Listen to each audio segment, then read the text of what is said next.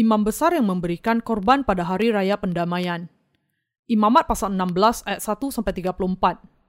Sesudah kedua anak Harun mati yang terjadi pada waktu mereka mendekat ke hadapan Tuhan, berfirmanlah Tuhan kepada Musa. Firman Tuhan kepadanya, Katakanlah kepada Harun kakakmu supaya ia jangan sembarang waktu masuk ke dalam tempat kudus di belakang tabir, ke depan tutup pendamaian yang di atas tabut supaya jangan ia mati karena aku menampakkan diri dalam awan di atas tutup pendamaian. Beginilah caranya Harun masuk ke dalam tempat kudus itu, yakni dengan membawa seekor lembu jantan muda untuk korban penghapus dosa dan seekor domba jantan untuk korban bakaran. Ia harus mengenakan kemeja lenan yang kudus dan ia harus menutupi auratnya dengan celana lenan dan ia harus memakai ikat pinggang lenan dan berlilitkan serban lenan. Itulah pakaian kudus yang harus dikenakannya, sesudah ia membasuh tubuhnya dengan air. Dari umat Israel, ia harus mengambil dua ekor kambing jantan untuk korban penghapus dosa dan seekor domba jantan untuk korban bakaran. Kemudian Harun harus mempersembahkan lembu jantan yang akan menjadi korban penghapus dosa baginya sendiri dan dengan demikian mengadakan pendamaian baginya dan bagi keluarganya. Ia harus mengambil kedua ekor kambing jantan itu dan menempatkannya di hadapan Tuhan di depan pintu kemah pertemuan dan harus membuang undi atas kedua kambing jantan itu, sebuah undi bagi Tuhan dan sebuah bagi Azazel. Lalu Harun harus mempersembahkan kambing jantan yang kena undi bagi Tuhan itu dan mengolahnya sebagai korban penghapus dosa. Tetapi kambing jantan yang kena undi bagi Azazel haruslah ditempatkan hidup-hidup di hadapan Tuhan untuk mengadakan pendamaian lalu dilepaskan bagi Azazel ke padang gurun. Harun harus mempersembahkan lembu jantan yang akan menjadi korban penghapus dosa baginya sendiri dan mengadakan pendamaian baginya dan bagi keluarganya. Ia harus menyembelih lembu jantan itu. Dan ia harus mengambil pembaraan berisi penuh bara api dari atas mesbah yang di hadapan Tuhan, serta serangkup penuh ukupan dari wangi-wangian yang digiling sampai halus lalu membawanya masuk ke belakang tabir. Kemudian ia harus meletakkan ukupan itu di atas api yang di hadapan Tuhan, sehingga asap ukupan itu menutupi tutup pendamaian yang di atas hukum Allah, supaya ia jangan mati. Lalu ia harus mengambil sedikit dari darah lembu jantan itu dan memercikkannya dengan jarinya ke atas tutup pendamaian di bagian muka, dan ke depan tutup pendamaian itu ia harus memercikkan sedikit dari darah itu dengan jarinya tujuh kali. Lalu ia harus menyembelih domba jantan yang akan menjadi korban penghapus dosa bagi bangsa itu dan membawa darahnya masuk ke belakang tabir, kemudian haruslah diperbuatnya dengan darah itu seperti yang diperbuatnya dengan darah lembu jantan, yakni ia harus memercikkannya ke atas tutup pendamaian dan ke depan tutup pendamaian itu. Dengan demikian, ia mengadakan pendamaian bagi tempat kudus itu karena segala kenajisan orang Israel dan karena segala pelanggaran mereka, apa pun juga dosa mereka. Demikianlah harus diperbuatnya dengan kemah pertemuan yang tetap diam di antara mereka di tengah-tengah segala kenajisan mereka. Seorang pun tidak boleh hadir di dalam kemah pertemuan. Bila Harun masuk untuk mengadakan pendamaian di tempat kudus, sampai ia keluar, setelah mengadakan pendamaian baginya sendiri, bagi keluarganya, dan bagi seluruh jemaah orang Israel. Kemudian haruslah ia pergi keluar ke mesbah yang ada di hadapan Tuhan dan mengadakan pendamaian bagi mesbah itu. Ia harus mengambil sedikit dari darah lembu jantan dan dari darah domba jantan itu dan membubuhnya pada tanduk-tanduk mesbah sekelilingnya. Kemudian ia harus memercikkan sedikit dari darah itu ke mesbah itu dengan jarinya tujuh kali dan mentahirkan serta menguduskannya dari segala kenajisan orang Israel. Setelah selesai mengadakan pendamaian bagi tempat kudus dan kemah pertemuan serta mesbah, ia harus mempersembahkan kambing jantan yang masih hidup itu, dan Harun harus meletakkan kedua tangannya ke atas kepala kambing jantan yang hidup itu, dan mengakui di atas kepala kambing itu segala kesalahan orang Israel dan segala pelanggaran mereka apa pun juga dosa mereka. Ia harus menanggungkan semuanya itu ke atas kepala kambing jantan itu dan kemudian melepaskannya ke padang gurun dengan perantaraan seseorang yang sudah siap sedia untuk itu. Demikianlah kambing jantan itu harus mengangkut segala kesalahan Israel ke tanah yang tandus, dan kambing itu harus dilepaskan di padang gurun. Sesudah itu Harun harus masuk ke dalam kemah pertemuan dan menanggalkan pakaian lenan yang dikenakannya ketika ia masuk ke dalam tempat kudus dan harus meninggalkannya di sana. Ia harus membasuh tubuhnya dengan air di suatu tempat yang kudus dan mengenakan pakaiannya sendiri, lalu ia harus keluar dan mempersembahkan korban bakarannya sendiri dan korban bakaran bangsa itu. Dengan demikian, ia mengadakan pendamaian baginya sendiri dan bagi bangsa itu. Kemudian ia harus membakar lemak korban penghapus dosa di atas mezbah. Maka orang yang melepaskan kambing jantan bagi Azazel itu harus mencuci pakaiannya, membasuh tubuhnya dengan air, dan sesudah itu barulah boleh masuk ke perkemahan. Lembu jantan dan kambing jantan korban penghapus dosa yang darahnya telah dibawa masuk untuk mengadakan pendamaian di dalam tempat kudus harus dibawa keluar dari perkemahan dan kulitnya, dagingnya, dan kotorannya harus dibakar habis. Siapa yang membakar semuanya itu harus mencuci pakaiannya, membasuh tubuhnya dengan air, dan sesudah itu barulah boleh masuk ke perkemahan. Inilah yang harus menjadi ketetapan untuk selama-lamanya bagi kamu, yakni pada bulan yang ketujuh, pada tanggal 10 bulan itu, kamu harus merendahkan diri dengan berpuasa dan janganlah kamu melakukan sesuatu pekerjaan, baik orang Israel asli maupun orang asing yang tinggal di tengah-tengahmu. Karena pada hari itu harus diadakan pendamaian bagimu untuk mentahirkan kamu.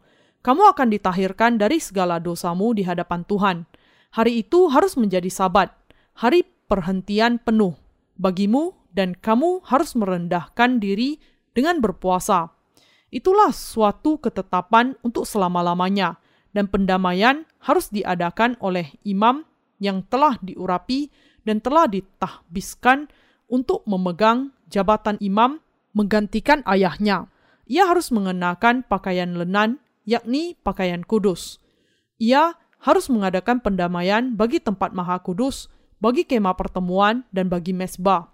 Juga bagi para imam dan bagi seluruh bangsa itu, yakni jemaah itu Itulah yang harus menjadi ketetapan untuk selama-lamanya bagimu, supaya sekali setahun diadakan pendamaian bagi orang Israel karena segala dosa mereka. Maka Harun melakukan seperti yang diperintahkan Tuhan kepada Musa. Imam besar adalah orang yang memberikan korban pada hari raya pendamaian bagi seluruh orang Israel. Korban ini diberikan sekali setahun pada hari yang ke-10 bulan ke-7 dalam kalender Israel. Di hari ini, sebagaimana Imam Besar Harun memberikan korban bagi seluruh bangsa Israel, semua kekurangan mereka sungguh-sungguh ditanggungkan kepada korban persembahan itu dan kemudian dibasuhkan. Hari Raya Pendamaian dengan demikian menjadi sebuah perayaan besar bagi bangsa Israel. Sebagaimana korban yang lain, korban pada Hari Raya Pendamaian juga harus disertai dengan tiga dasar yang sudah pasti. Korban binatang yang tidak bercacat, penumpangan tangan, dan dicurahkannya darah binatang korban itu. Allah kemudian menerima dengan sukacita korban yang diberikan dengan cara yang demikian.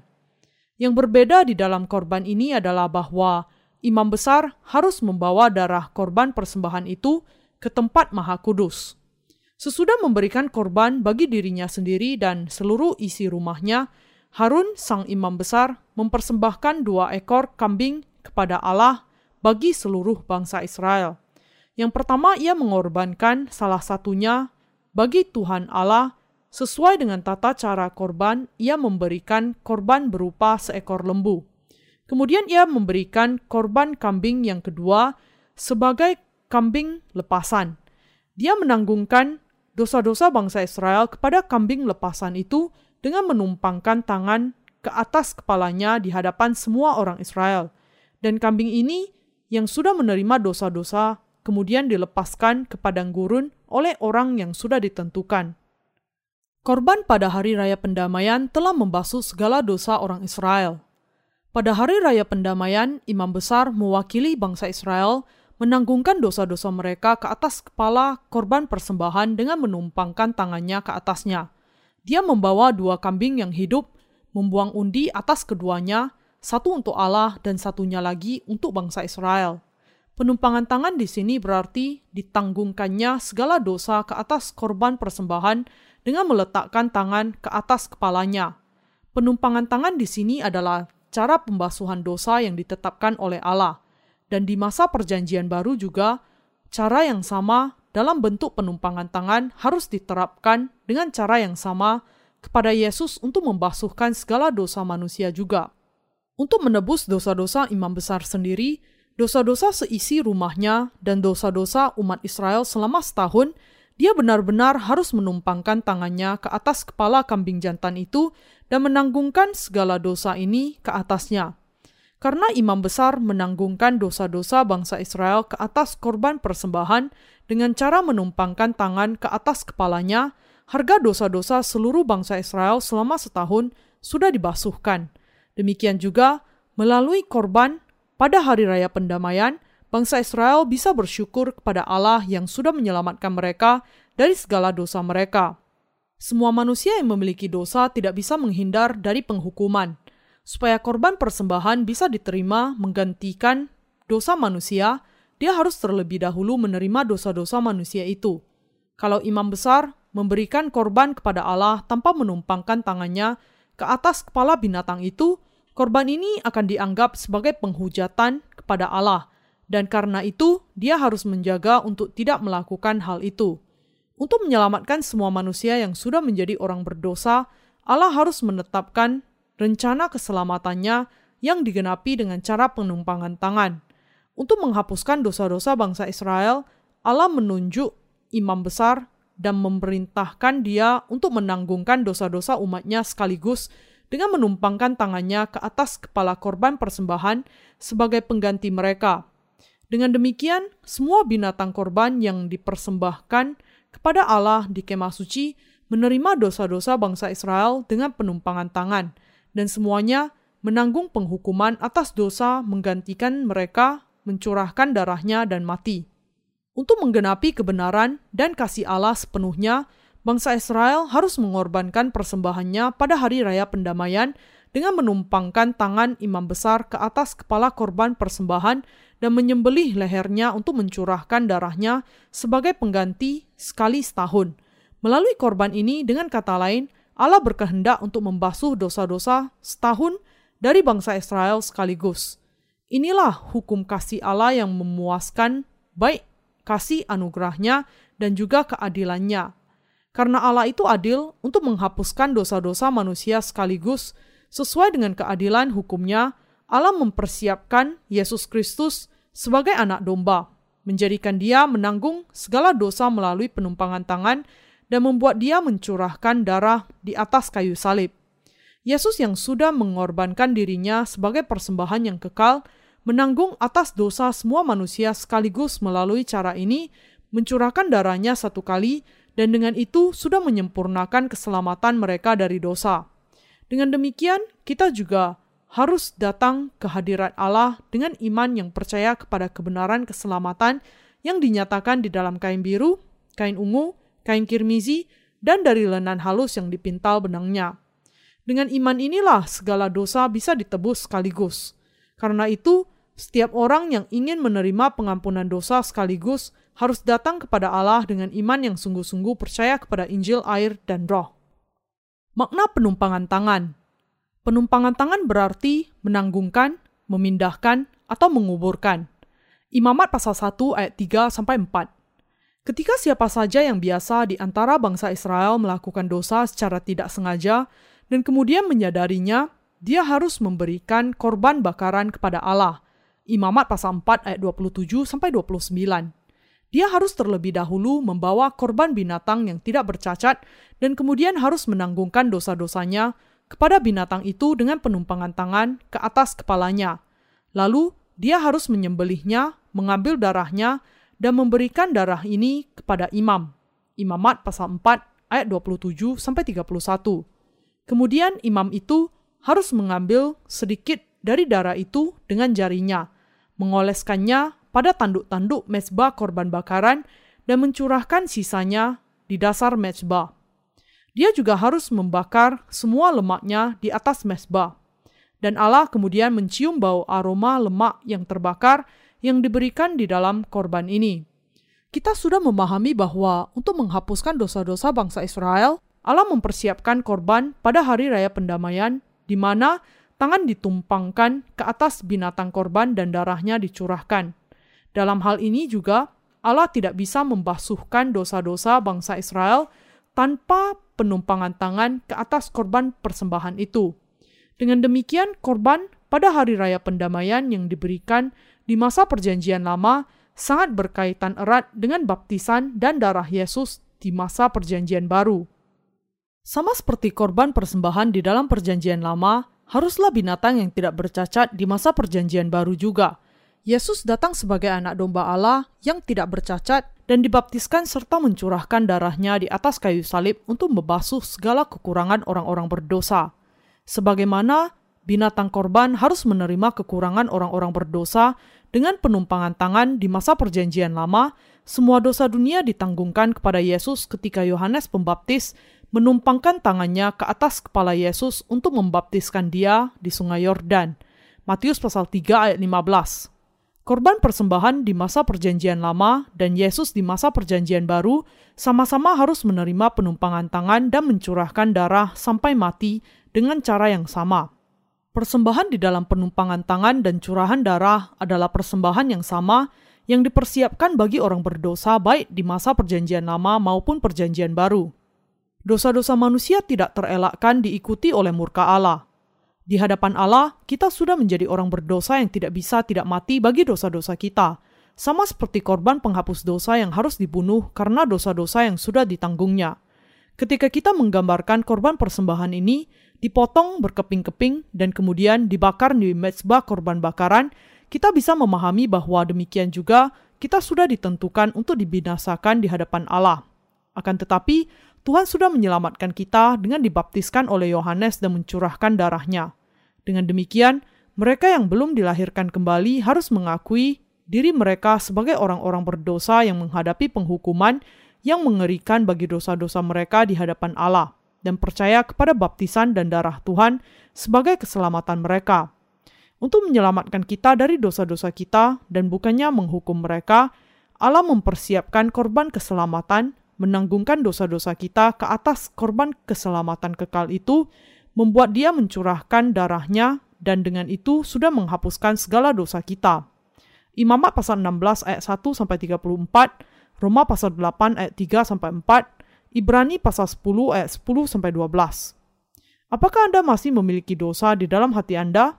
Kemudian, Anda harus terlebih dahulu mengakuinya di hadapan Allah bahwa Anda adalah orang berdosa yang menghadapi penghukuman dari Allah, dan Anda harus percaya bahwa melalui Yesus Kristus, Allah sudah menggenapi rencana keselamatan bagi Anda yang sudah Dia rancangkan bahkan sebelum dunia ini dijadikan.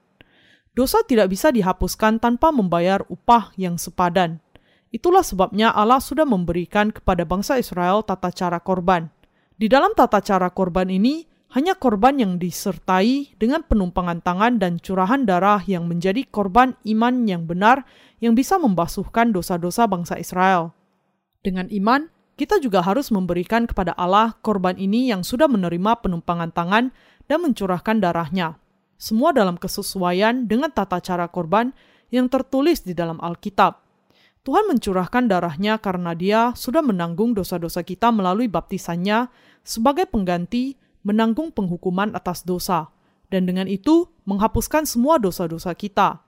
Matius pasal 3 ayat 15, Yohanes pasal 1 ayat 29, Yesaya pasal 53 ayat 1 sampai 7.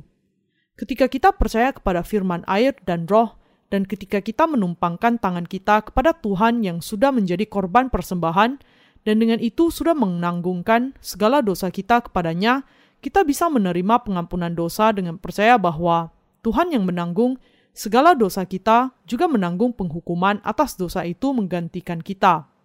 Dengan percaya kepada Injil air dan roh, kita bisa menanggungkan segala dosa kita kepada Tuhan yang sudah menjadi korban persembahan kita, dan kita bisa mati di dalam dia dan hidup di dalam dia. Roma pasal 6 ayat 1 sampai 11, Galatia pasal 3 ayat 27. Pelajaran rohani yang harus kita pahami dari korban pada hari raya pendamaian adalah bahwa kita harus mengakui dosa-dosa kita dan penghukuman atas dosa-dosa kita, dan bahwa kita kemudian harus memberikan korban iman yang dikehendaki untuk diterima Allah, yaitu kita harus memiliki iman kepada Yesus yang menggenapi keselamatan kita dengan baptisan dan curahan darahnya di atas kayu salib kita harus menumpangkan tangannya ke atas kepala Yesus dengan percaya kepada baptisannya. Mengapa? Karena hanya ketika kita menumpangkan tangan kita ke atas korban persembahan dengan iman dan mencurahkan darahnya saja, maka kita bisa diselamatkan dari segala dosa kita. Dengan demikian, setiap orang yang ingin ditebus dari dosa-dosanya di hadapan Allah harus membayar hutang nyawanya, karena upah dosa adalah maut. Baik orang kaya maupun muda harus ada korban persembahan yang membayar upah dosa seseorang dan harga pengudusan hidupnya. Kalau hal ini tidak terjadi, tidak seorang pun yang bisa menerima pengampunan dosa oleh iman. Korban Hari Raya Pendamaian di masa Perjanjian Lama.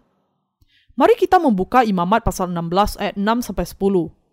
Kemudian Harun harus mempersembahkan lembu jantan yang akan menjadi korban penghapus dosa baginya sendiri dan dengan demikian mengadakan pendamaian baginya dan bagi keluarganya. Ia harus mengambil kedua ekor kambing jantan itu dan menempatkannya di hadapan Tuhan di depan pintu kemah pertemuan, dan harus membuang undi atas kedua kambing jantan itu, sebuah undi bagi Tuhan dan sebuah bagi Azazel. Lalu Harun harus mempersembahkan kambing jantan yang kena undi bagi Tuhan itu dan mengolahnya sebagai korban penghapus dosa tetapi kambing jantan yang kena undi bagi Azazel haruslah ditempatkan hidup-hidup di hadapan Tuhan untuk mengadakan pendamaian. Lalu dilepaskan bagi Azazel ke padang gurun.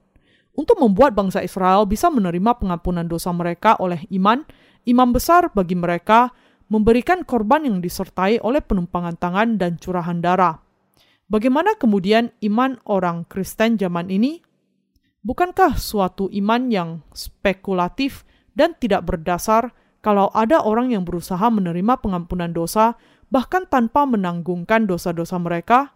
Kalau iman Anda bukan jenis iman yang sudah menanggungkan dosa-dosa Anda kepada Yesus Kristus melalui penumpangan tangan, maka Anda sedang ada di dalam suatu masalah. Kecuali iman Anda adalah iman yang percaya kepada baptisan Yesus dan darahnya di atas kayu salib, iman itu bukanlah iman yang benar. Kita tidak bisa tidak gagal untuk menaati hukum di hadapan Allah dan melakukan segala jenis dosa di sepanjang tahun yang lalu.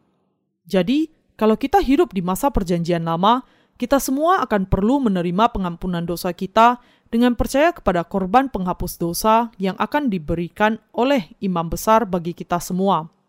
Untuk memberikan korban iman kepada Allah, kita harus terlebih dahulu mengakui bahwa kita memang ditentukan untuk dibinasakan bagi dosa-dosa kita, dan kita harus percaya kepada penumpangan tangan yang menanggungkan segala dosa kita kepada korban persembahan yang disiapkan Allah bagi kita dan curahan darah dari korban ini.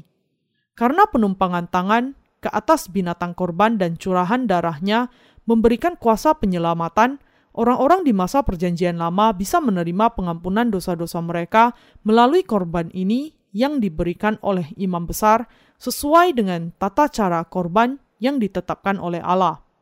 Dengan menumpangkan tangannya ke atas korban persembahan, imam besar menanggungkan dosa-dosa bangsanya selama setahun ke atasnya, menyembelihnya dan menumpahkan darahnya, dan memercikkan darahnya ke atas tutup pendamaian, dan di sebelah timurnya sebanyak tujuh kali. Dengan melakukan hal itu, dia tidak pernah berhenti melakukan korban yang benar kepada Allah setiap tahun. Demikianlah caranya bangsa Israel bisa menerima pengampunan dosa yang sempurna pada masa itu. Dengan demikian, melalui korban penghapus dosa yang diberikan oleh imam besar, bangsa Israel percaya dan meneguhkan di dalam hati mereka bahwa segala dosa mereka sudah dilenyapkan. Apa yang ditunjukkan oleh korban hari raya pendamaian di masa Perjanjian Lama adalah menunjukkan kepada kita bahwa di masa Perjanjian Baru, Yesus Kristus menanggung segala dosa dunia dengan dibaptiskan oleh Yohanes dan mencurahkan darahnya di atas kayu salib. dan bahwa kita harus percaya kepada Yesus Kristus ini sebagai juru selamat kita dan menerima pengampunan dosa yang kekal oleh iman. Semua jiwa di dunia ini yang hatinya menderita dan sengsara karena dosa-dosa mereka harus menyadari bahwa mereka bisa menerima pengampunan dosa yang kekal dengan percaya kepada Injil, air, dan Roh, dan bahwa mereka harus percaya kepada hal ini di dalam hati mereka.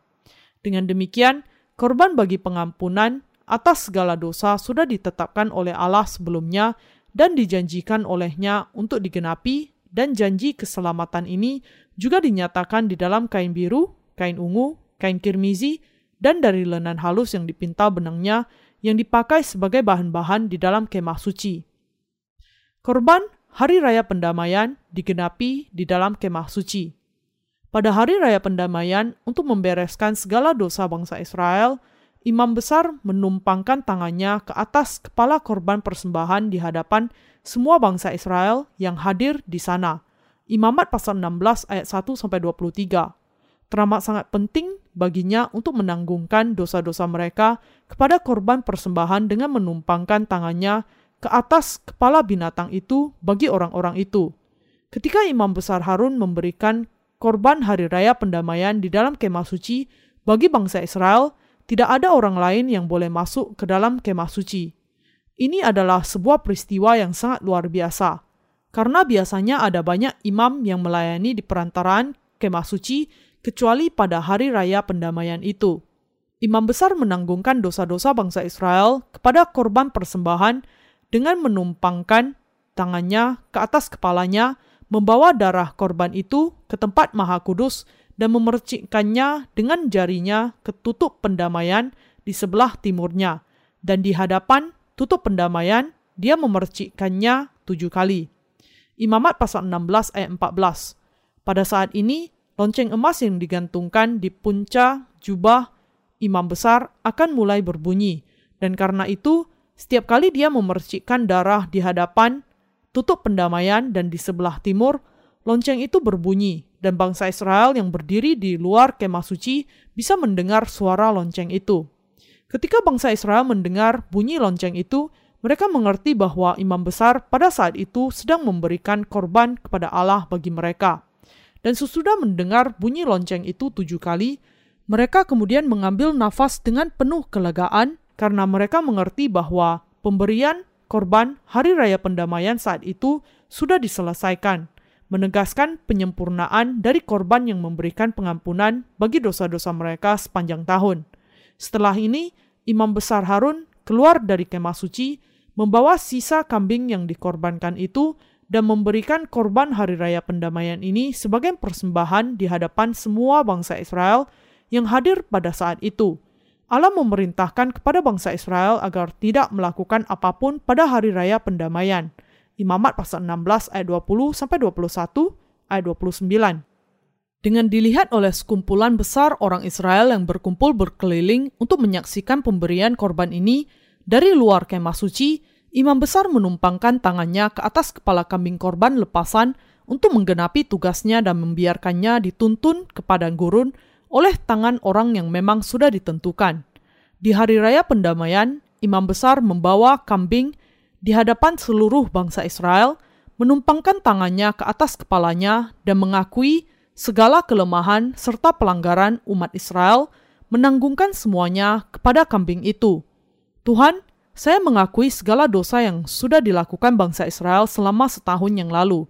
Kami telah gagal menaati seluruh hukum Taurat sepenuhnya. Kami sudah melakukan dosa yang tidak terhitung banyaknya terhadap Engkau dan terhadap sesama kami. Kami gagal menghidupi kehidupan sebagaimana yang Engkau perintahkan, dan kami sudah melakukan hal-hal yang sudah Engkau larang, kami melakukannya. Kami sudah melanggar begitu banyak perintahmu sepanjang setahun yang lalu, kami sudah berdusta, kami sudah membunuh, kami sudah berjinah, kami sudah mencuri. Demikian, imam besar menanggungkan segala dosa bangsa Israel ke atas kambing korban dengan menumpangkan tangannya ke atas kepalanya di hadapan mereka, dan kemudian menuntunnya ke padang gurun melalui tangan orang yang sudah ditentukan. Karena upah dosa adalah maut, Allah tidak bisa membiarkan kambing korban tetap hidup setelah menerima dosa-dosa bangsa Israel. kambing lepasan yang sudah diusir ke padang gurun harus menderita dan mati di padang gurun karena dia sudah memikul semua kelemahan, cacat, dan pelanggaran bangsa Israel. Sekarang, semua bangsa Israel mulai menikmati perayaan di kemah suci. Imamat pasal 23 ayat 34. Karena mereka sudah membuang melalui korban di hari raya pendamaian dosa-dosa yang sudah mengikat mereka sepanjang tahun yang sudah lalu. Penumpangan tangan adalah cara yang dengannya dosa-dosa semua manusia ditanggungkan kepada korban persembahan. Ketika imam besar menumpangkan tangannya ke atas binatang korban, segala dosa bangsa Israel yang sudah terkumpul selama satu tahun ditanggungkan ke atasnya sekali untuk selamanya. Setiap dosa masing-masing orang Israel secara pribadi sekaligus ditanggungkan ke atas korban persembahan dengan penumpangan tangan dari imam besar. Bisakah segala dosa manusia zaman ini juga ditanggungkan kepada korban persembahan dengan penumpangan tangan, sama seperti kelemahan bangsa Israel ditanggungkan dengan penumpangan tangan imam besar di masa Perjanjian Lama. Kalau memang hal itu tidak mungkin, di manakah jalannya bagi manusia zaman ini untuk menerima pengampunan dosa-dosa mereka? Siapakah yang menanggungkan dosa-dosa manusia zaman ini? Bagaimana dan melalui siapa? Menurut tata cara korban yang ditetapkan oleh Allah pada masa Perjanjian Lama, Yesus Kristus menanggung segala dosa dunia dengan dibaptiskan oleh Yohanes Pembaptis di zaman Perjanjian Baru. Sama seperti dosa-dosa setahun ditanggungkan kepada kambing jantan korban sekaligus melalui korban pada hari raya pendamaian yang diberikan oleh imam besar untuk bangsa Israel, demikian juga dosa-dosa kita ditanggungkan kepada Yesus Kristus yang sudah dibaptiskan oleh Yohanes Pembaptis, imam besar yang terakhir. Di mana kemudian segala dosa manusia di zaman ini? Semuanya sekarang sudah ada di atas kepala Yesus Kristus. Sama seperti kambing lepasan itu menerima segala dosa bangsa Israel melalui imam besar dengan penumpangan tangannya, Yesus menjadi korban persembahan untuk pengampunan dosa yang kekal bagi kita yang sekarang ini hidup di zaman ini. Yesus yang menjadi korban lepasan kita sendiri mempersembahkan dirinya kepada Allah sebagai korban persembahan untuk dosa-dosa kita. Yesus dengan kata lain dibaptiskan oleh Yohanes dan memberikan dirinya untuk disalibkan. Sebagaimana di dalam perjanjian lama, Allah sudah menetapkan korban persembahan bagi bangsa Israel dan menanggungkan dosa-dosa mereka ke atas binatang korban dan kemudian menjatuhkan penghukuman ke atasnya. Kambing lepasan yang diusir keluar ke padang gurun tidak bisa bertahan, karena memang tidak ada air dan hanya ada sinar matahari yang menyengat di padang pasir itu. Dengan demikian, Yesus juga tidak bisa menghindar dari penyalipan, karena dia sudah menanggung segala dosa manusia ke atas dirinya melalui baptisannya. Sebagaimana kambing lepasan diusir ke padang gurun yang tidak memiliki kehidupan, Yesus yang menanggung atas dosa-dosa dunia juga dibenci dan dihina oleh banyak orang.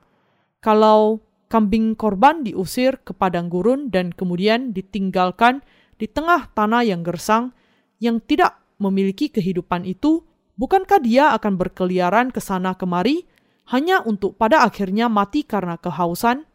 Dengan cara yang sama juga Yesus yang menerima dosa-dosa kita ditolak oleh banyak orang dan dia harus disalibkan untuk menanggung penghukuman atas dosa-dosa kita, mencurahkan darahnya dan mati. Inilah keselamatan yang digenapi Yesus Kristus untuk memberikan kepada kita keselamatannya yang sejati di dalam Injil, air, dan Roh. Bangsa Israel melihat proses pendamaian dari pengampunan dosa ini dengan mata mereka sendiri dan percaya di dalam hati mereka. Seperti mereka, kita juga sekarang bisa menerima pengampunan dosa dengan melihat, mendengar, dan percaya kepada karya kebenaran Yesus Kristus di dalam hati kita. Ini menjelaskan kepada kita bahwa Yesus Kristus akan dibaptiskan oleh Yohanes, menanggung segala dosa dunia, disalibkan, mencurahkan darahnya, mati, dan bangkit kembali dari kematian, dan bahwa kita akan diselamatkan dengan melihat semua ini dengan mata rohani kita dan percaya kepada hal itu di dalam hati kita. Korban Hari Raya Pendamaian ini akan terus diadakan selama bangsa Israel masih tetap ada. Mereka masih memberikan korban Hari Raya Pendamaian pada hari ke-10 bulan yang ketujuh dalam kalender mereka, karena Allah sudah mengatakan kepada mereka, Itulah yang harus menjadi ketetapan untuk selama-lamanya bagimu, supaya sekali setahun diadakan pendamaian bagi orang Israel karena segala dosa mereka. Imamat pasal 16 ayat 34. Dengan membuat bangsa Israel memberikan korban pada hari raya pendamaian seperti ini, Allah mencurahkan anugerahnya kepada mereka sehingga segala dosa mereka akan dibasuhkan dan mereka akan dibebaskan dari penghukuman atas dosa-dosa ini. Sama seperti ini, bagi manusia zaman ini juga, Allah sudah memampukan mereka untuk menyadari bahwa Yesus menanggung segala dosa dunia ke atas tubuhnya dengan dibaptiskan oleh Yohanes disalibkan dan dengan itu sudah menggenapkan pembasuhan dosa yang kekal. Yesus Kristus menanggung dosa-dosa manusia dengan baptisannya dan sudah menjadi imam besar surgawi yang kekal. Sekarang tidak ada yang lain yang tersisa bagi kita untuk mengusahakan keselamatan kecuali percaya kepada kebenaran ini. Korban untuk pendamaian besar yang diberikan Mesias kepada Allah Bapa dengan tubuhnya sendiri. Mengapakah Allah memerintahkan kepada bangsa Israel untuk memberikan kepadanya korban di hari raya pendamaian? Dia memerintahkan hal itu supaya mereka bisa memandang ke depan dengan iman mereka kepada hari saat Allah Bapa akan memberikan anaknya Yesus Kristus yang memberikan korban pendamaian besar bagi dosa-dosa semua manusia dengan baptisan dan curahan darahnya. Inilah sebabnya Yesus Kristus, anak tunggal Allah Bapa, dan Juru Selamat manusia datang ke bumi ini untuk menghapuskan segala dosa semua orang, menggenapi segala sesuatu dengan kasih Allah, dan menyatakan keselamatan bagi semua manusia. Dengan dibaptiskan oleh Yohanes untuk menanggung segala dosa kita manusia dan mencurahkan darahnya di atas kayu salib, Yesus sudah menghapuskan segala dosa dan kelemahan dunia ini, menanggung penghukuman untuk mereka, dan dengan itu telah menjadi juru selamat kita yang sejati. Allah memanggil Musa dan memberikan kepadanya hukum Taurat terlebih dahulu, dan kemudian dia memerintahkan dia untuk membangun kemah suci dengan bahan-bahan yang terdiri dari kain biru, kain ungu, kain kirmizi, dan dari lenan halus yang dipintal benangnya. Dan dia memberikan kepadanya tata cara korban. Dengan melakukan hal itu, Allah memampukan bangsa Israel untuk menyadari pentingnya penumpangan tangan dan pencurahan darah, dan pada gilirannya Dia menunjukkan kepada mereka Yesus Kristus, pintu gerbang keselamatan yang dinubuatkan di dalam kemah suci akan datang ke bumi ini, menanggung atas dosa-dosa dunia dengan dibaptiskan, disalibkan, dan mencurahkan darahnya. Keselamatan melalui pembasuhan dosa yang sudah Allah berikan kepada kita dinyatakan dengan jelas di dalam bahan-bahan yang dipakai untuk membuat pintu gerbang kemah suci. Di antara bahan-bahan yang dipakai untuk pintu gerbang kemah suci, makna yang terkandung di dalam kain biru adalah bahwa Yesus menanggung atas dosa-dosa dunia sekaligus dengan dibaptiskan oleh Yohanes. Kain ungu menunjukkan bahwa Yesus adalah raja di atas segala raja dan Tuhan di atas segala Tuhan, karena Dia yang menciptakan alam semesta. Kain kirmizi menjelaskan bahwa karena Yesus sudah dibaptiskan, dia menanggung penghukuman atas dosa untuk semua orang berdosa dengan mencurahkan darahnya di atas kayu salib. Dan kain lenan halus menjelaskan bahwa Alkitab menerangkan secara panjang lebar mengenai ketiga pelayanan itu yang dinyatakan di dalam kain biru, kain ungu, dan kain kirmizi. Dan Allah sudah memberikan pengampunan dosa kepada mereka yang percaya kepada firman-Nya. Sekarang semua orang harus mengingatkan diri mereka sekali lagi dan percaya bahwa kebenaran ini, yaitu Yesus Kristus adalah juru selamat mereka dan dia sudah membasuh segala dosa mereka dengan dibaptiskan oleh Yohanes dan mencurahkan darahnya di atas kayu salib.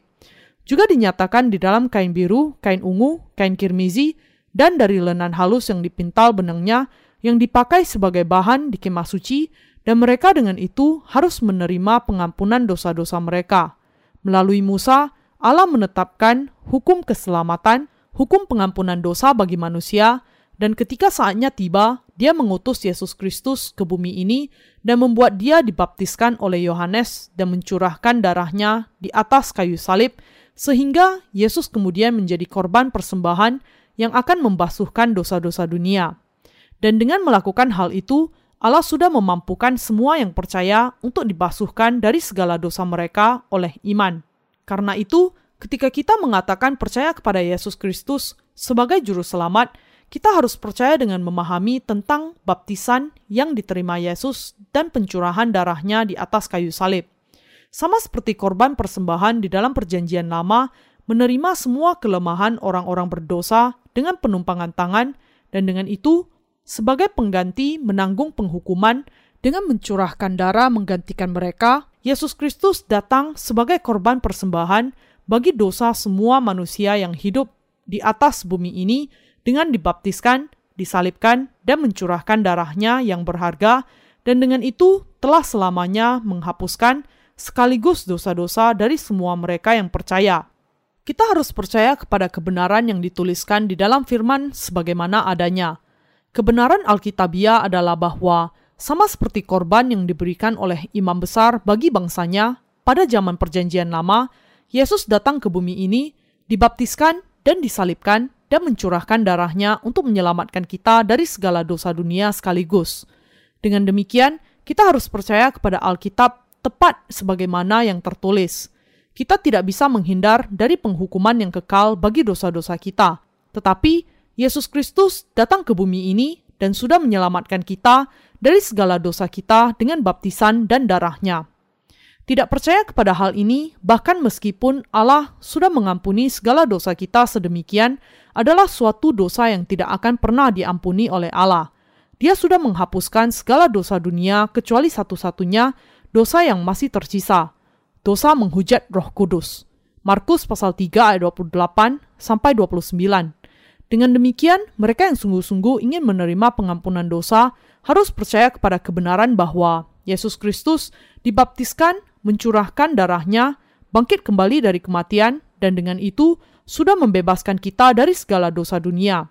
Selain iman yang demikian, apakah perbuatan baik akan pernah dibutuhkan bagi pengampunan dosa kita sekarang saatnya sudah tiba bagi kita untuk memahami apakah kebenaran Injil, air, dan Roh itu, dan untuk percaya kepada kebenaran ini.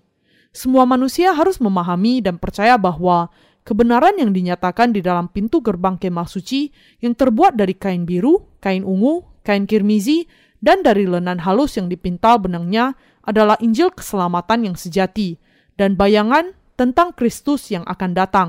Sejauh mengenai kepercayaan kepada Yesus Kristus, baptisan yang diterimanya dan darah yang dicurahkannya di atas kayu salib adalah penting bagi keselamatan kita dan kita harus percaya di dalam mereka.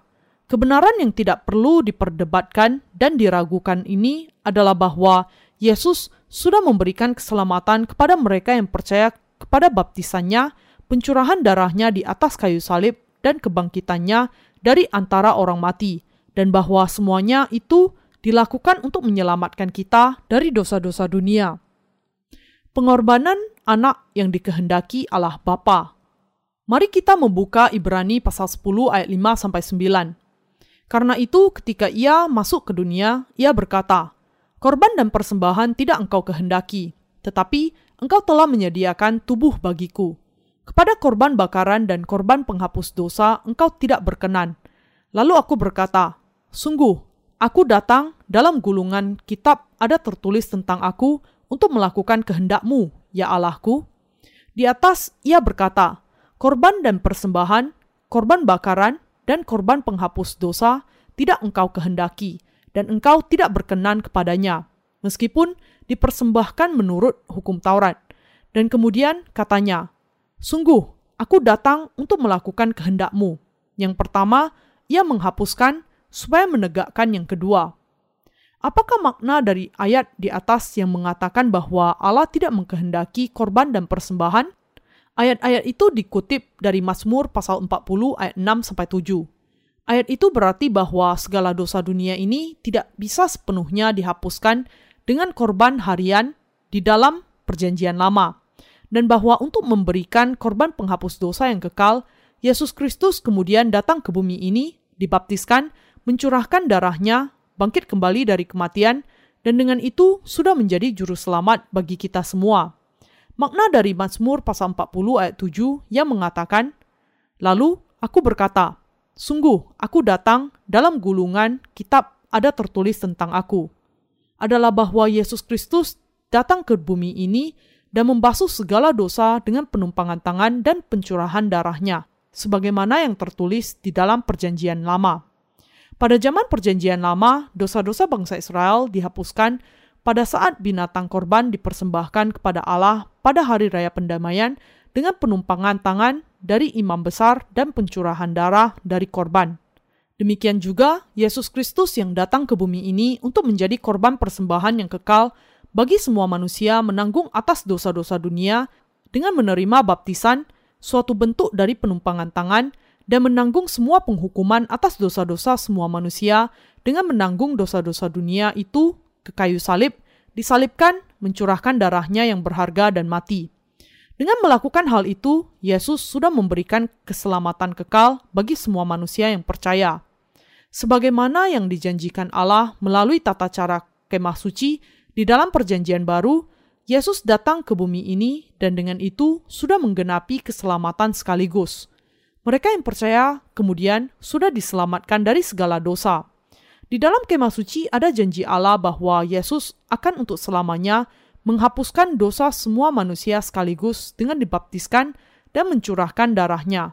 Dan Yesus memang datang dan menggenapi janji keselamatan dengan sungguh-sungguh dibaptiskan dan mencurahkan darahnya dan dengan itu menggenapi firman Allah sampai taraf sangat sempurna. Semua janji keselamatan dari Allah dengan kata lain memang sudah sungguh-sungguh digenapi di dalam Yesus Kristus. Bangsa Israel percaya bahwa hukum Taurat dalam Perjanjian Lama dan perkataan para nabi adalah firman Allah, tetapi mereka tidak mampu percaya kepada Yesus Kristus yang datang kepada kita di masa Perjanjian Baru sebagai Allah atau Juru Selamat. Semua manusia di dunia ini, termasuk juga bangsa Israel, sekarang harus menyadari bahwa Yesus Kristus memang adalah Allah sendiri dan menerima ke dalam hati mereka bahwa Dia adalah Mesias yang akan datang. Untuk apakah Yesus datang? Karena Yesus datang untuk menggenapi kehendak Allah Bapa, Dia adalah juru selamat dari semua orang yang percaya kepadanya secara demikian. Dan Dia datang ke dunia ini untuk membasuh selamanya dari semua dosa mereka sebagaimana yang dikatakan di dalam Ibrani pasal 10 ayat 10. Dan karena kehendaknya inilah kita telah dikuduskan satu kali untuk selama-lamanya oleh persembahan tubuh Yesus Kristus. Kita harus dengan jelas memahami dan percaya bahwa hanya dengan kehendak Allah Bapa saja bahwa Yesus Kristus dilahirkan ke bumi ini, bahwa dia dibaptiskan sesuai dengan kehendak Bapa, bahwa dengan kehendak ini juga dia disalibkan mencurahkan darahnya sampai mati di atas kayu salib, bangkit kembali dari kematian, dan dengan itu sudah menjadi juru selamat bagi semua yang percaya. Untuk menghapuskan segala dosa kita sesuai dengan kehendak Allah Bapa, Yesus Kristus harus menggenapi keselamatan manusia dengan menghapuskan segala dosa dengan baptisan yang diterimanya dan pencurahan darahnya. Dengan demikian, dia dengan rela memberikan dirinya untuk dikorbankan dan dengan itu memberikan kepada kita keselamatan yang sempurna. Karena Yesus Kristus mengorbankan dirinya untuk menghapuskan bukan hanya dosa-dosa bangsa Israel, tetapi juga dosa-dosa semua manusia, kita bisa diselamatkan hanya kalau kita masing-masing percaya kepada hal ini di dalam hati kita. Melalui 33 tahun kehidupannya, Yesus dibaptiskan hanya satu kali, menjadi korban hanya satu kali, dan dengan itu menyelamatkan orang-orang berdosa sekaligus. Inilah keselamatan yang satu-satunya dan yang sempurna. Sebagaimana Yesus sudah sekaligus menghapuskan segala dosa yang dilakukan oleh umat manusia sejak awal sampai akhir dunia, dia juga sudah memampukan kita untuk diselamatkan sekaligus oleh iman. Dengan mempersembahkan tubuhnya sendiri sekaligus, Yesus Kristus sudah menjadikan kita sempurna sampai selamanya sebagaimana dia dibaptiskan oleh Yohanes dan menanggung penghukuman bagi segala dosa kita dengan mencurahkan darahnya, kita harus sekarang dengan sukacita percaya kepada Injil ini di dalam hati kita dan dengan itu diselamatkan dari segala dosa kita. Dengan kehendak Allah Bapa, Yesus Kristus datang ke bumi ini untuk menanggung segala dosa kita dan membayar hutang nyawa dan dia berhasil dalam menyatakan keselamatan yang sempurna baginya melalui kasih Allah seturut dengan kehendak Bapa. Firman ini pastilah kebenaran yang Anda dan saya yang hidup di dunia modern ini harus percayai. Kita harus mengikatkan baptisan Yesus dan pencurahan darahnya di atas kayu salib secara bersama dan mempercayai keduanya sebagai satu kesatuan, kebenaran yang menyelamatkan kita secara sempurna. Kalau kita tidak bisa melakukannya, kita kemudian akan kehilangan pengampunan dosa yang kekal itu. Dengan demikian, kita harus percaya sesuai dengan firman Allah yang tertulis, sesuai dengan kebenaran Injil air dan roh. Injil air dan roh memancarkan terang keselamatan, tetapi kalau kita menambahkan sesuatu yang lain atau mengurangi hal-hal yang penting dari Injil sejati ketika kita percaya kepada Allah, atau kalau kita tidak percaya kepada kebenaran sebagaimana adanya, maka terang Injil keselamatan ini akan hilang, hanya akan tersembunyi dan kemudian lenyap. Kita jangan sampai jatuh ke dalam ilusi bahwa kebenaran Injil air dan roh itu hanya salah satu doktrin duniawi semata, seperti kalau itu mengajarkan bahwa kita bisa menerima pengampunan dosa entah bagaimana melalui doa pertobatan dengan meminta Allah untuk mengampuni dosa-dosa kita setiap hari. Allah mengatakan dengan jelas di dalam Ibrani pasal 10 ayat 11. Selanjutnya, setiap imam melakukan tiap-tiap hari pelayanannya dan berulang-ulang mempersembahkan korban yang sama, yang sama sekali tidak dapat menghapuskan dosa. Dia mengatakan kepada kita, dengan kata lain, dan dosa-dosa yang kita lakukan setiap hari tidak akan bisa dibasuhkan hanya karena kita meminta kepada Allah untuk mengampuni kita dari dosa-dosa harian kita dengan iman hanya kepada darah di atas kayu salib. Karena korban persembahan yang diberikan Yesus Kristus kepada Allah Bapa dengan dibaptiskan oleh Yohanes dan mati di atas kayu salib adalah korban keselamatan yang sempurna, maka dengan percaya kepada korban ini sehingga kita bisa sepenuhnya diselamatkan. Itu adalah karena segala dosa dunia ditanggungkan kepada Yesus Kristus sekaligus ketika dia dibaptiskan oleh Yohanes, sehingga Yesus bisa memikul dosa-dosa kita ke kayu salib dan mati di sana untuk mengakhiri penghukuman atas dosa-dosa mereka, dan karena inilah dosa-dosa mereka yang percaya kepada baptisan dan pencurahan darahnya sudah dibasuhkan. Dengan percaya kepada baptisan yang diterima Yesus Kristus dan darah di atas kayu salib, kita juga mati dengan Yesus Kristus dan sudah hidup bersama dengan dia oleh iman. Roma pasal 6 ayat 23 menegaskan, sebab upah dosa ialah maut, tetapi karunia Allah ialah hidup yang kekal dalam Kristus Yesus, Tuhan kita. Upah dosa adalah maut, tidak peduli apa pun itu, dan karena itu upah itu harus dibayar dengan nyawa. Inilah sebabnya sangat penting bahwa Yesus Kristus datang ke bumi ini, berinkarnasi, dalam rupa manusia dibaptiskan oleh Yohanes dan mencurahkan darahnya di atas kayu salib. Ditanggungkannya dosa-dosa Anda sebenarnya kepada tubuh Yesus digenapkan dengan baptisannya dan dengan menanggung segala dosa ini dan mati, Yesus membayar upah dosa Anda dan dengan itu menghapuskannya sekaligus. Tetapi meskipun demikian, bahkan ketika Allah sudah memberikan kepada kita kebenaran Injil, ada banyak orang yang masih meminta kepada Allah untuk mengampuni dosa-dosa tindakan mereka setiap hari. Mereka memang tidak memahami kebenaran Injil, air, dan Roh.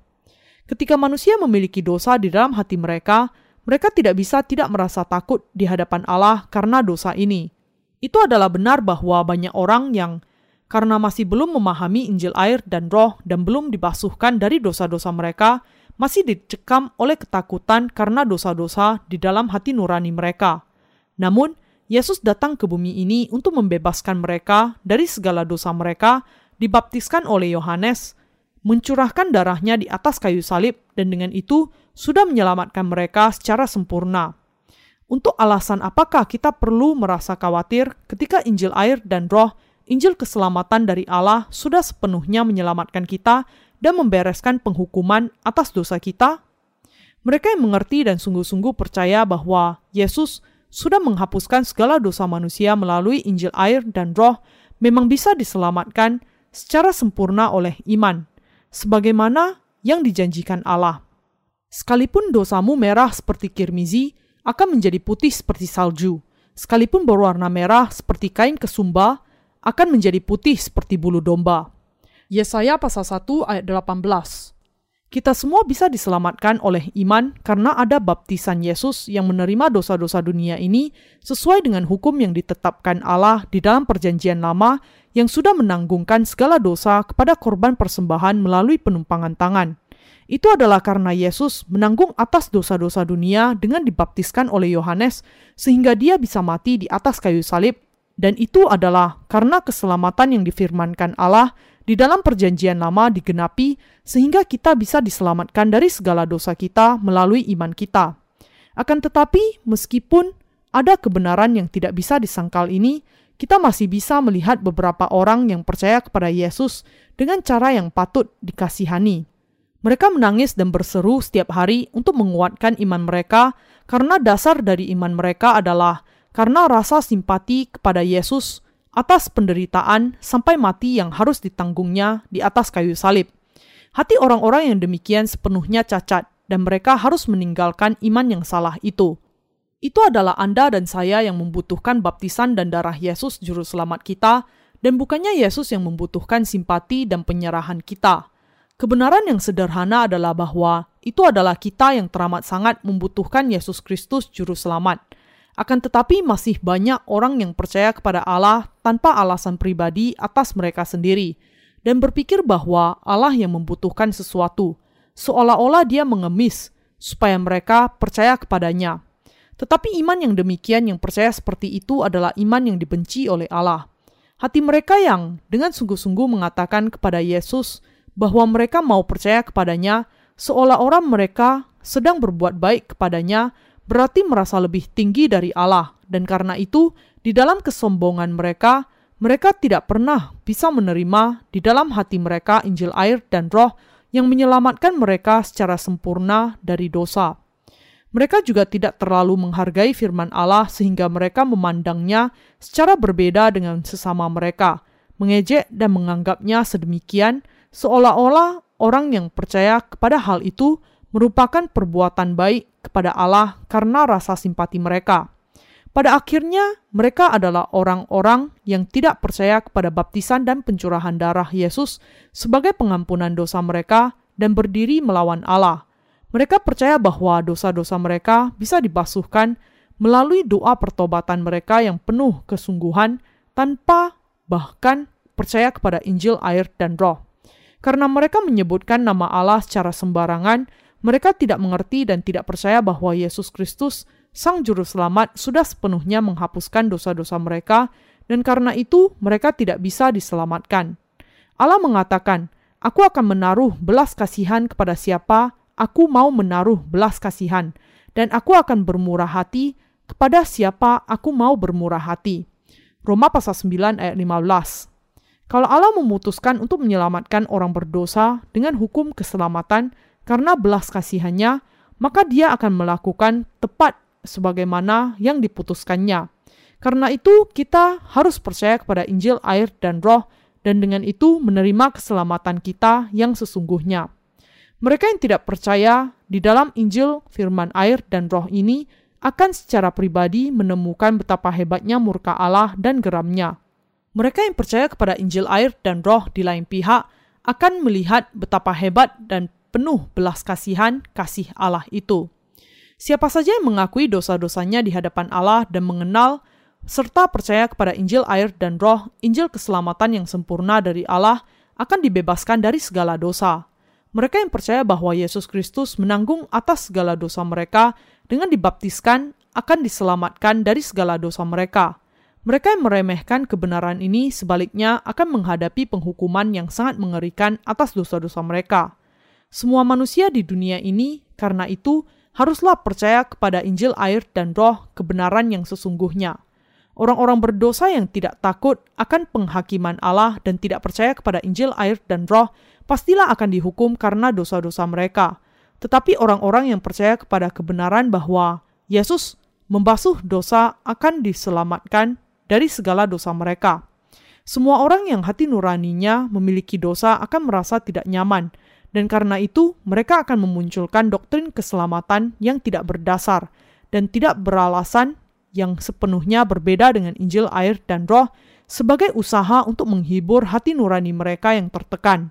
Mereka bahkan mencoba untuk mengatakan, karena saya percaya kepada Yesus, tidak ada masalah kalau saya memiliki dosa di dalam hati saya. Tetapi kita jangan sampai lupa bahwa semua manusia yang memiliki dosa di dalam hati mereka akan menghadapi hukuman neraka karena Allah pastilah menurunkan penghakimannya yang adil kepada orang demikian karena dosa-dosa mereka.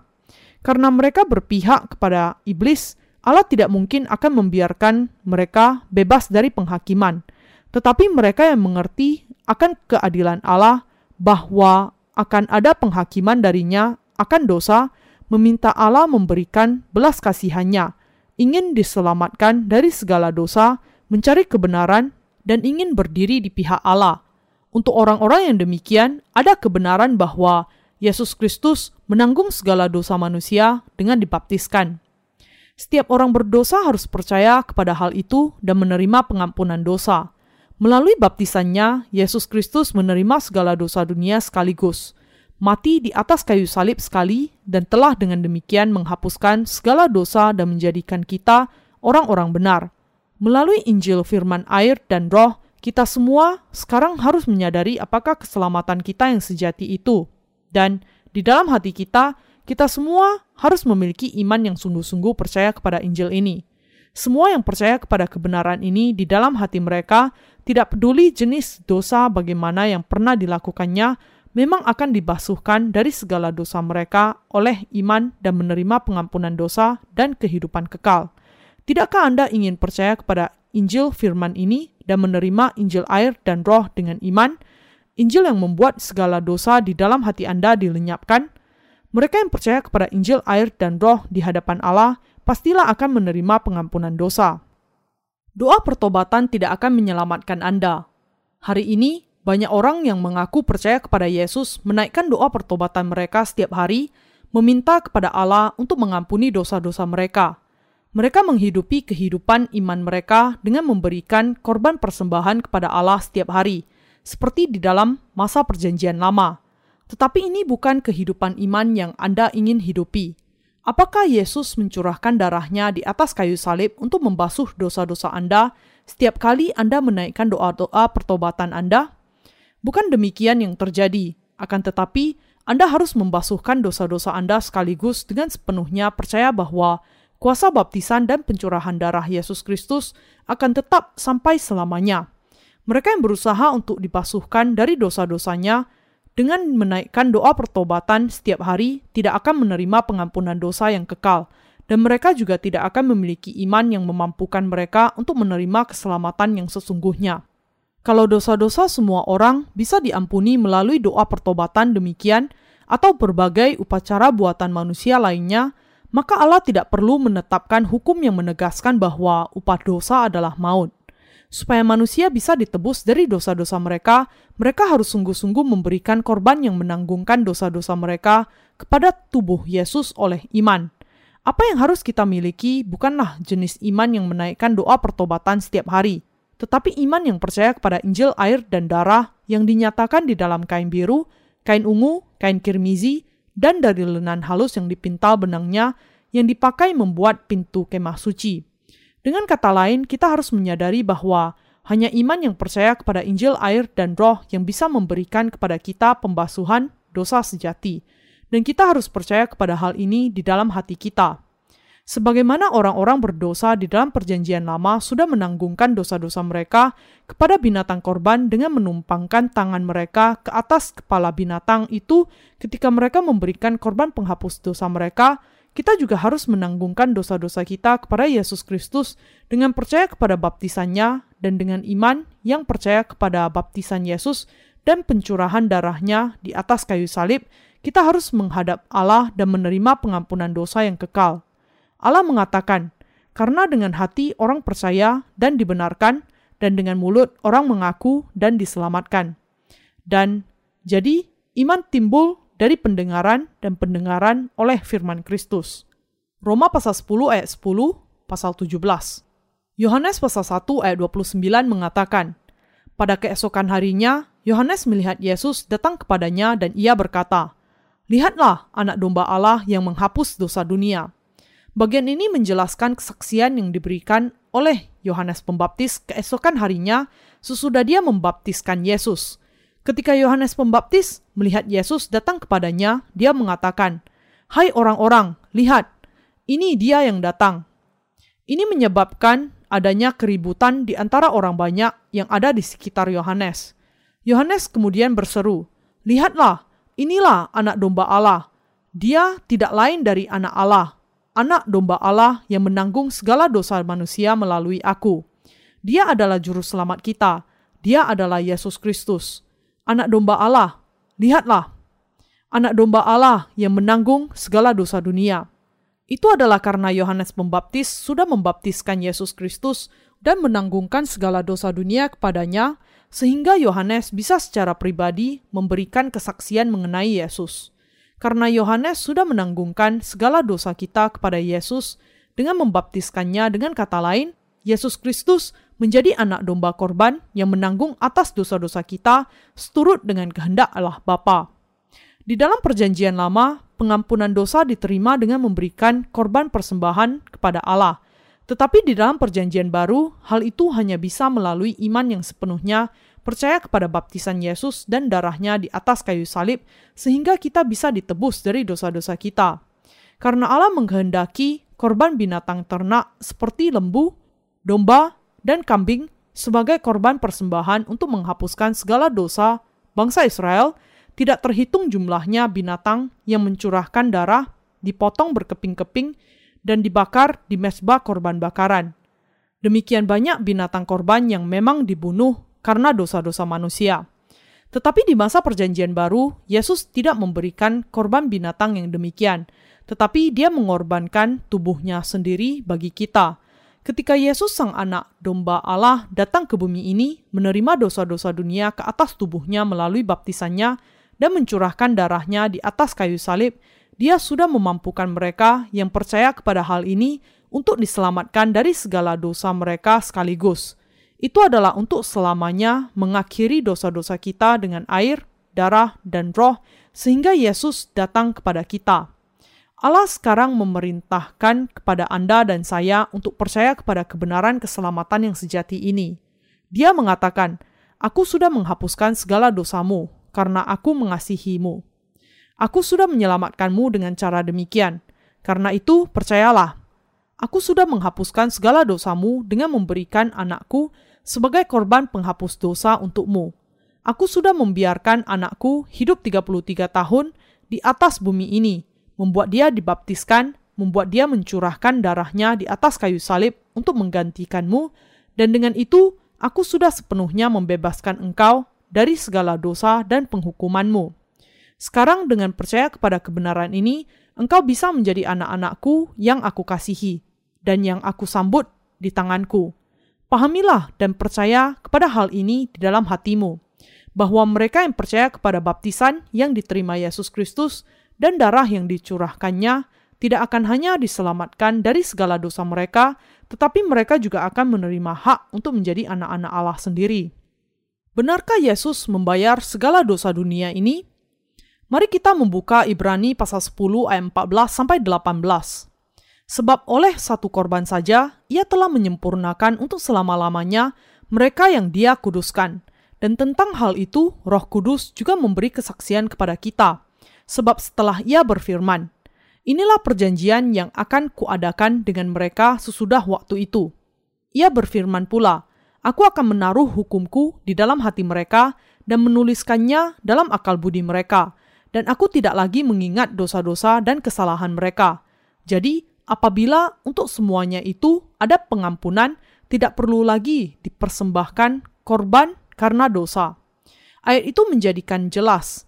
Jadi, apabila untuk semuanya itu ada pengampunan, tidak perlu lagi dipersembahkan korban karena dosa. Dengarkan berita yang bahagia ini, bahwa segala dosa kita ditanggungkan kepada Yesus melalui baptisan yang diterimanya.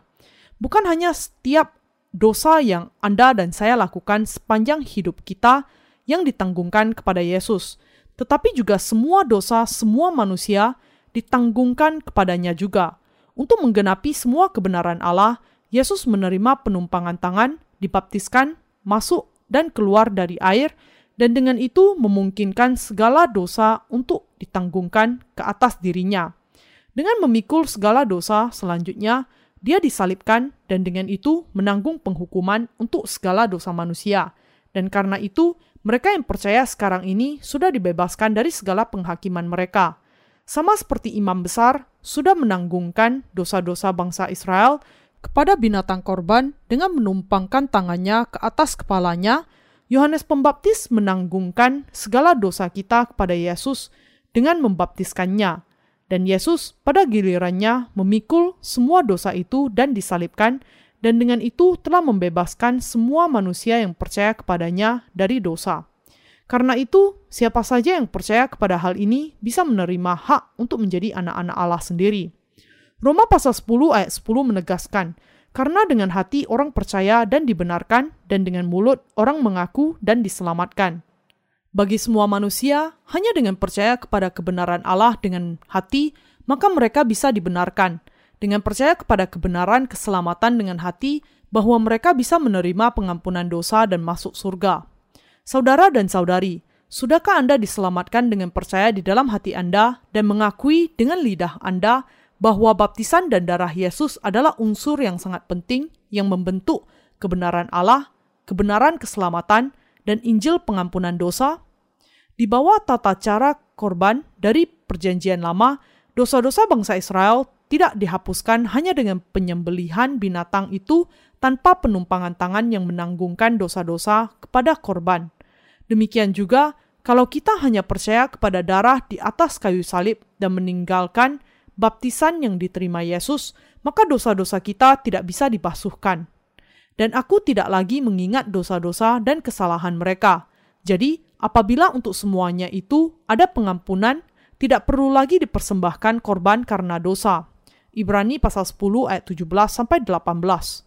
Mengapa Allah mengatakan di sini bahwa Dia tidak lagi mengingat dosa-dosa kita? Meskipun kita tidak bisa tidak melakukan dosa sampai hari kematian kita, karena Yesus menanggung atas segala dosa dunia sekaligus dengan dibaptiskan, keselamatan kita sekarang digenapi dan akan tetap sampai selamanya. Dan orang-orang di antara kita yang percaya kepada hal ini sekarang tidak memiliki dosa. Inilah sebabnya Allah tidak mengingat lagi dosa-dosa kita. Kebenaran Allah berarti keadilannya. Keadilan Allah Bapa memastikan bahwa sebagaimana Dia kudus, mereka yang percaya kepada Injil, air, dan Roh juga kudus dan tidak memiliki dosa. Sejak awal sekali, Allah mengasihi kita dan berkehendak untuk menjadikan kita anak-anaknya. Tetapi tidak peduli bagaimanapun dia berkeinginan untuk menjadikan kita sebagai anak-anaknya, dia tidak bisa melakukannya karena dosa-dosa kita. Jadi, Allah Bapa mengambil keputusan tentang jalan keluar dari masalah ini. Karena Allah sudah mengkhususkan korban tak bercacat yang akan menjadi korban pengganti bagi kita dan memutuskan untuk membasuh serta menanggungkan segala dosa kita kepada korban persembahan ini, Yesus tidak ragu-ragu untuk dibaptiskan untuk menjadi korban persembahan kita sendiri untuk menanggung penghukuman mengganti kita dan dengan itu memberikan korban penghapus dosa yang kekal. Dan melalui korban penghapus dosa ini, Allah menggenapi pemeliharaannya untuk menyucikan semua manusia yang percaya dari dosa-dosa mereka dan menjadikan mereka sebagai anak-anaknya sendiri. Sekarang, mereka yang percaya kepada Injil kebenaran ini ditebus dari segala dosa mereka di hadapan Allah. Karena Yesus sudah membasuhkan segala dosa dunia dengan dibaptiskan, kalau kita percaya kepada Yesus ini yang sudah membasuh dosa-dosa manusia dengan menanggung penghukuman atas dosa mengganti kita, kita tidak perlu lagi memberikan korban apa pun untuk dosa-dosa kita. Apakah kita masih perlu mempersembahkan korban bagi dosa-dosa kita, saudara dan saudari? Tidak, sama sekali tidak. Apakah Anda tahu mengapa Yesus Kristus disalibkan, bahkan ketika Dia tidak berdosa dan suci? Meskipun Yesus disalibkan, dia sama sekali tidak melakukan kesalahan apa pun pada kenyataannya. Semua itu hanyalah karena Yesus sudah menerima segala dosa manusia dengan dibaptiskan di Sungai Yordan, sehingga Dia harus mati menggantikan kita. Alasan mengapa Dia harus mati di atas kayu salib adalah karena Dia sudah menerima segala dosa dunia yang ditanggungkan kepadanya melalui baptisannya, dan siap untuk menggenapi segala kebenaran ketika anak Allah dibaptiskan untuk menggenapi segala kebenaran dengan cara ini, bagaimana mungkin kita tidak bersyukur kepadanya? Itu adalah karena Yesus sudah menanggung segala dosa kita sehingga dia seperti domba yang dibawa ke perguntingan dengan diam tanpa suara menanggung derita di atas kayu salib. Kita semua harus ingat baptisan dan kayu salibnya sampai selamanya, karena kalau dia tidak disalibkan dan menanggung penghukuman, maka kita sendiri yang pastilah harus menanggung penghukuman itu. Tuhan kita bukan hanya menanggung segala dosa kita, tetapi Dia sendiri juga menanggung semua penghukuman atas dosa. Atau dengan penjelasan berbeda, Yesus Sang Juru Selamat sendiri yang sudah menanggung segala dosa kita, menjadi korban penghapus dosa bagi kita, dan dengan diam tanpa suara menanggung hukuman di atas kayu salib, semuanya dalam rangka untuk menyelamatkan kita dari dosa, dan dengan itu menggenapi seluruh kehendak Allah. Inilah sebabnya Alkitab mengatakan, "Dan aku tidak lagi mengingat dosa-dosa dan kesalahan mereka." Jadi, apabila untuk semuanya itu ada pengampunan, tidak perlu lagi dipersembahkan korban karena dosa. Jadi, saudara-saudara, oleh darah Yesus kita sekarang penuh keberanian dapat masuk ke dalam tempat kudus. Ibrani pasal 10 ayat 18 sampai 19. Apakah Anda sekarang memahami mengapa Yesus Kristus disalibkan? Kita jangan sampai percaya hanya kepada darah Yesus di atas kayu salib, tetapi kita harus memahami alasan mengapa dia harus mati di atas kayu salib dan kita harus dengan tepat memahami dan percaya bahwa alasan ini terletak pada baptisan yang sudah dia terima. Kalau Anda dan saya ingin mengenal dan percaya dengan tepat di mana dan bagaimana dosa-dosa kita sudah dihapuskan, kita harus memahami dan percaya bahwa hal itu karena dosa-dosa kita sudah ditanggungkan kepada Yesus ketika dia dibaptiskan oleh Yohanes di Sungai Yordan, bahwa kita sudah dibasuh dari segala dosa kita oleh iman. Dengan memahami dan percaya kepada kebenaran Injil air dan roh, kita sekarang bisa diselamatkan dari segala dosa kita. Apa yang saya jelaskan sampai saat ini adalah kebenaran Injil air dan roh yang dibicarakan di dalam Alkitab secara terperinci. Dan kebenaran ini adalah keselamatan yang sudah direncanakan bahkan sebelum dunia dijadikan. Dan keselamatan ini juga dinyatakan di dalam kain biru, kain ungu, dan kain kirmizi, bahan-bahan yang dipakai untuk pintu kemah suci. Bersama dengan rekan sekerja saya, saya sudah memberitakan kebenaran yang dinyatakan di dalam kain biru, kain ungu, dan kain kirmizi ini kepada banyak sekali orang di dunia ini. Dan bahkan sekarang, pada saat ini juga, Injil ini sedang berkembang ke seluruh dunia melalui buku-buku kami. Tetapi, ada orang-orang yang mengaku percaya kepada Yesus meskipun mereka tidak memahami Injil air dan roh. Saya berani menyebut orang-orang yang demikian sebagai orang-orang bodoh, karena Injil air dan roh ini adalah inti kebenaran yang menjelaskan kepada kita tata cara korban yang benar melalui Yesus Kristus, hakikat yang sebenarnya dari bayangan keselamatan di dalam kemah suci. Sekarang giliran Anda.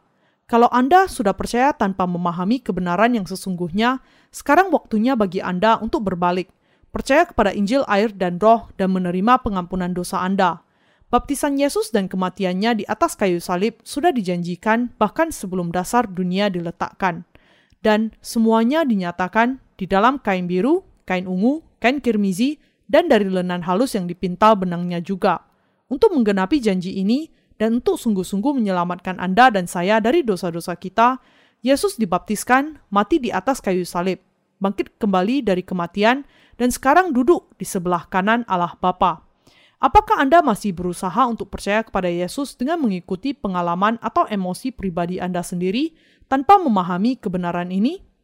Ada banyak orang demikian di dunia ini, tetapi sekarang mereka harus berbalik dari iman mereka yang cacat dan dengan sepenuh hati percaya kepada kebenaran Injil, air, dan roh yang tersembunyi di dalam kain biru, kain ungu, kain kirmizi, dan dari lenan halus yang dipintal benangnya yang dinyatakan di pintu gerbang kemah suci. Ibrani pasal 10 ayat 19 sampai 20 mengatakan, "Jadi, saudara-saudara, oleh darah Yesus kita sekarang penuh keberanian dapat masuk ke dalam tempat kudus, karena Ia telah membuka jalan yang baru yang hidup bagi kita melalui tabir, yaitu dirinya sendiri. Ketika Yesus Kristus sesudah menanggung segala dosa dunia dengan dibaptiskan, disalibkan, tirai bait suci sobek menjadi dua, dan dosa-dosa manusia sudah dibasuhkan dengan baptisan Yesus, darahnya di atas kayu salib. Tirai itu di bait suci yang terbuat dari kain biru, kain ungu, kain kirmizi, dan dari lenan halus yang dipintal benangnya begitu kuat sampai dia tidak bisa disobek meskipun ditarik di keempat sisinya dengan empat ekor kuda. Bahwa tirai yang sangat kuat dari bait suci ini pada akhirnya sobek dari atas ke bawah, bahkan ketika dia tidak disentuh oleh siapa pun, menyatakan bahwa pada saat Yesus Kristus menggenapi misinya, pintu surga terbuka lebar. Robeknya tirai bait suci dari atas ke bawah menunjukkan bahwa tembok dosa sudah diruntuhkan, menunjukkan kepada kita bahwa melalui Yesus Kristus Allah meruntuhkan tembok dosa itu. Apa kemudian maknanya ketika tembok dosa itu diruntuhkan? Ini berarti bahwa setiap orang bisa ditebus dari segala dosanya dengan percaya kepada baptisan Yesus Kristus yang diterimanya dan darahnya di atas kayu salib. Apa yang dijelaskan Allah untuk dinyatakan melalui pintu kemah suci adalah bahwa keselamatan manusia sekarang sudah digenapi sekaligus melalui pelayanan Yesus yang ditunjukkan di dalam kain biru, kain ungu, kain kirmizi, dan dari lenan halus yang dipintal benangnya. Itu adalah karena pendamaian kekal yang dijanjikan oleh Allah kepada kita semua, sehingga tirai pintu dari tempat maha kudus yang terbuat dari kain biru, kain ungu, kain kirmizi, dan dari lenan halus yang dipintal benangnya tersobek dua dari atas ke bawah, bukan karena tangan manusia, tetapi oleh tangan Allah sendiri. Ini menyatakan bahwa Yesus Kristus yang sudah menjadi korban kekal bagi dosa-dosa manusia sudah secara sempurna menyelamatkan kita yang sudah percaya kepada Injil, air, dan Roh. Allah Bapa sudah menetapkan bahwa siapa saja yang percaya kepada baptisan yang diterima Yesus Kristus dan pencurahan darahnya di atas kayu salib bisa menerima pengampunan dosa dan berdiri di hadapannya. Maukah Anda percaya kepada kebenaran ini atau tidak? Sebagaimana Allah telah mengasihi Anda, demikian juga Yesus Kristus Anak Allah mengasihi Anda, dan Dia sudah memberikan kepada Anda keselamatan yang sempurna dengan dibaptiskan oleh Yohanes dan disalibkan. Dengan menerima kasih Allah yang diberikan kepada kita melalui Yesus Kristus, dan dengan percaya kepada kebenaran yang memampukan kita untuk masuk ke dalam kerajaan Allah, segala dosa kita sudah dilenyapkan dengan percaya kepada Injil, air, dan roh, bahkan segala dosa tindakan kita juga sudah dibereskan, karena segala dosa dan penghukuman kita sudah dibasuhkan melalui baptisan Yesus dan darahnya di atas kayu salib. Ibrani pasal 10 ayat 22 mengatakan, Karena itu, marilah kita menghadap Allah dengan hati yang tulus ikhlas dan keyakinan iman yang teguh. Oleh karena hati kita telah dibersihkan dari hati nurani yang jahat dan tubuh kita telah dibasuh dengan air yang murni. Alkitab terus berkata mengenai pembasuhan dosa.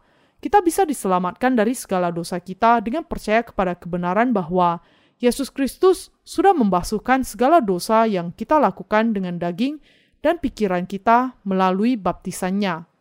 Sebagaimana imam besar juga sudah membasuh semua kecemarannya di bejana pembasuhan sesudah memberikan korban, Sesudah membasuhkan segala dosa kita dengan percaya kepada baptisan Yesus, kita juga harus mengingat iman ini setiap hari. Sebagaimana imam besar membasuhkan dirinya di bejana pembasuhan, kita harus membasuhkan semua dosa tindakan kita dengan mengingat dan percaya setiap hari bahwa segala dosa kita sudah dibasuhkan dengan baptisan Yesus. Karena sepanjang kita hidup di dunia ini, ada saat-saat ketika kita dinyatakan kepada kecemarannya. Segala dosa, baik yang dilakukan dengan tubuh, hati, atau pikiran, termasuk ke dalam segala dosa dunia. Dengan iman yang bagaimana kemudian kita bisa membasuhkan segala dosa dunia ini, kita bisa membasuhkan semuanya hanya dengan baptisan yang diterima Yesus. Mereka yang sudah menjadi suci karena percaya kepada Yesus harus menjaga kesucian hati mereka, dan setiap kali mereka melakukan dosa, mereka harus membasuhkannya lagi dengan iman. Mereka yang ingat baptisan Yesus setiap hari dan membasuh pakaian tindakan mereka dengan iman adalah orang-orang yang diberkati. Karena segala dosa kita sudah ditanggungkan kepada Yesus Kristus melalui baptisan yang diterimanya dari Yohanes, dengan merenungkan kebenaran ini dan percaya di dalamnya setiap hari, kita bisa sepenuhnya dibebaskan dari segala dosa untuk selamanya. Anda harus percaya kepada Injil, air, dan Roh, bahwa dosa-dosa Anda semua juga ditanggungkan kepada Yesus Kristus ketika dia dibaptiskan oleh Yohanes. Anda tidak kehilangan apa pun ketika Anda percaya kepada Injil ini, karena Allah yang Maha Kuasa sudah merencanakannya bahkan sebelum dasar dunia diletakkan, sebelum masa Perjanjian Lama. Kebenaran bahwa Yesus menerima dosa-dosa Anda dengan dibaptiskan di Sungai Yordan dan menanggung semua penghukuman atas dosa-dosa Anda dengan naik ke kayu salib sudah memampukan Anda untuk mencapai kebenaran Allah dan keselamatan Anda. Kebenaran yang sudah memampukan Anda untuk memahami bahwa Yesus Sang Raja segala raja sudah selama-lamanya menyelamatkan Anda dari dosa dan yang sudah memurnikan hati Anda dari hati nurani yang cemar, serta membasuhkan tubuh Anda dengan air yang murni, adalah Injil, air, dan roh ini. Injil, air, dan roh adalah firman yang tidak bisa dipisahkan dari kehidupan Anda, dan dia bersinar semakin terang ketika Anda percaya. Sepanjang tiga tahun pelayanan umumnya, hal yang pertama yang dilakukan Yesus untuk menyelamatkan semua manusia dari dosa adalah dibaptiskan. Yesus Kristus dengan kata lain harus menanggung atas dosa-dosa kita dan untuk itu dia harus pergi kepada Yohanes dan dibaptiskan olehnya. Jadi seluruh empat Injil menuliskan tentang peristiwa yang sangat penting ini sejak awal sekali. Ada dan saya pada kenyataannya ditentukan untuk mati karena dosa-dosa kita. Tetapi apa yang terjadi? Tuhan kita datang ke bumi ini menanggung atas dosa-dosa kita dengan dibaptiskan oleh Yohanes menjadi anak domba Allah membawa segala dosa dunia ke kayu salib, dipakukan di kedua tangan dan kakinya bagi dosa-dosa kita, mencurahkan semua darah yang ada di jantungnya dan mati, dan kemudian bangkit kembali dari kematian. Inilah sebabnya Yesus mengatakan, "Sudah selesai," ketika Dia menghembuskan nafas terakhirnya di atas kayu salib. Semua yang dikatakan dan dilakukan Yesus adalah benar. Yesus menjadi korban penghapus dosa untuk menyelamatkan kita, dan bangkit kembali dari kematian setelah tiga hari. Dan setelah bangkit dari kematian, dia memberi kesaksian akan kebangkitannya selama 40 hari, naik ke surga, dan sekarang duduk di sebelah kanan tahta Bapa. Yesus Kristus ini akan datang ke bumi ini untuk mengangkat kita. Yesus datang sebagai juru selamat ketika dia pertama kali datang ke bumi ini. Tetapi ketika dia datang kedua kalinya, dia akan datang sebagai hakim untuk menjatuhkan hukuman bagi semua yang tidak percaya. Sekarang Anda harus memahami bahwa Yesus Kristus akan datang ke bumi ini sebagai hakim untuk memanggil dan menerima sebagai anak-anak Allah mereka yang percaya kepada keselamatan dari air, darah, dan roh yang digenapinya selama 33 tahun pelayanannya di atas bumi ini dan memampukan mereka untuk hidup di kerajaan seribu tahun dan surga yang kekal, dan untuk memberikan penghakiman yang kekal kepada mereka yang tidak percaya kepada Injil air, darah, dan roh, dan sudah menolak kasih Allah.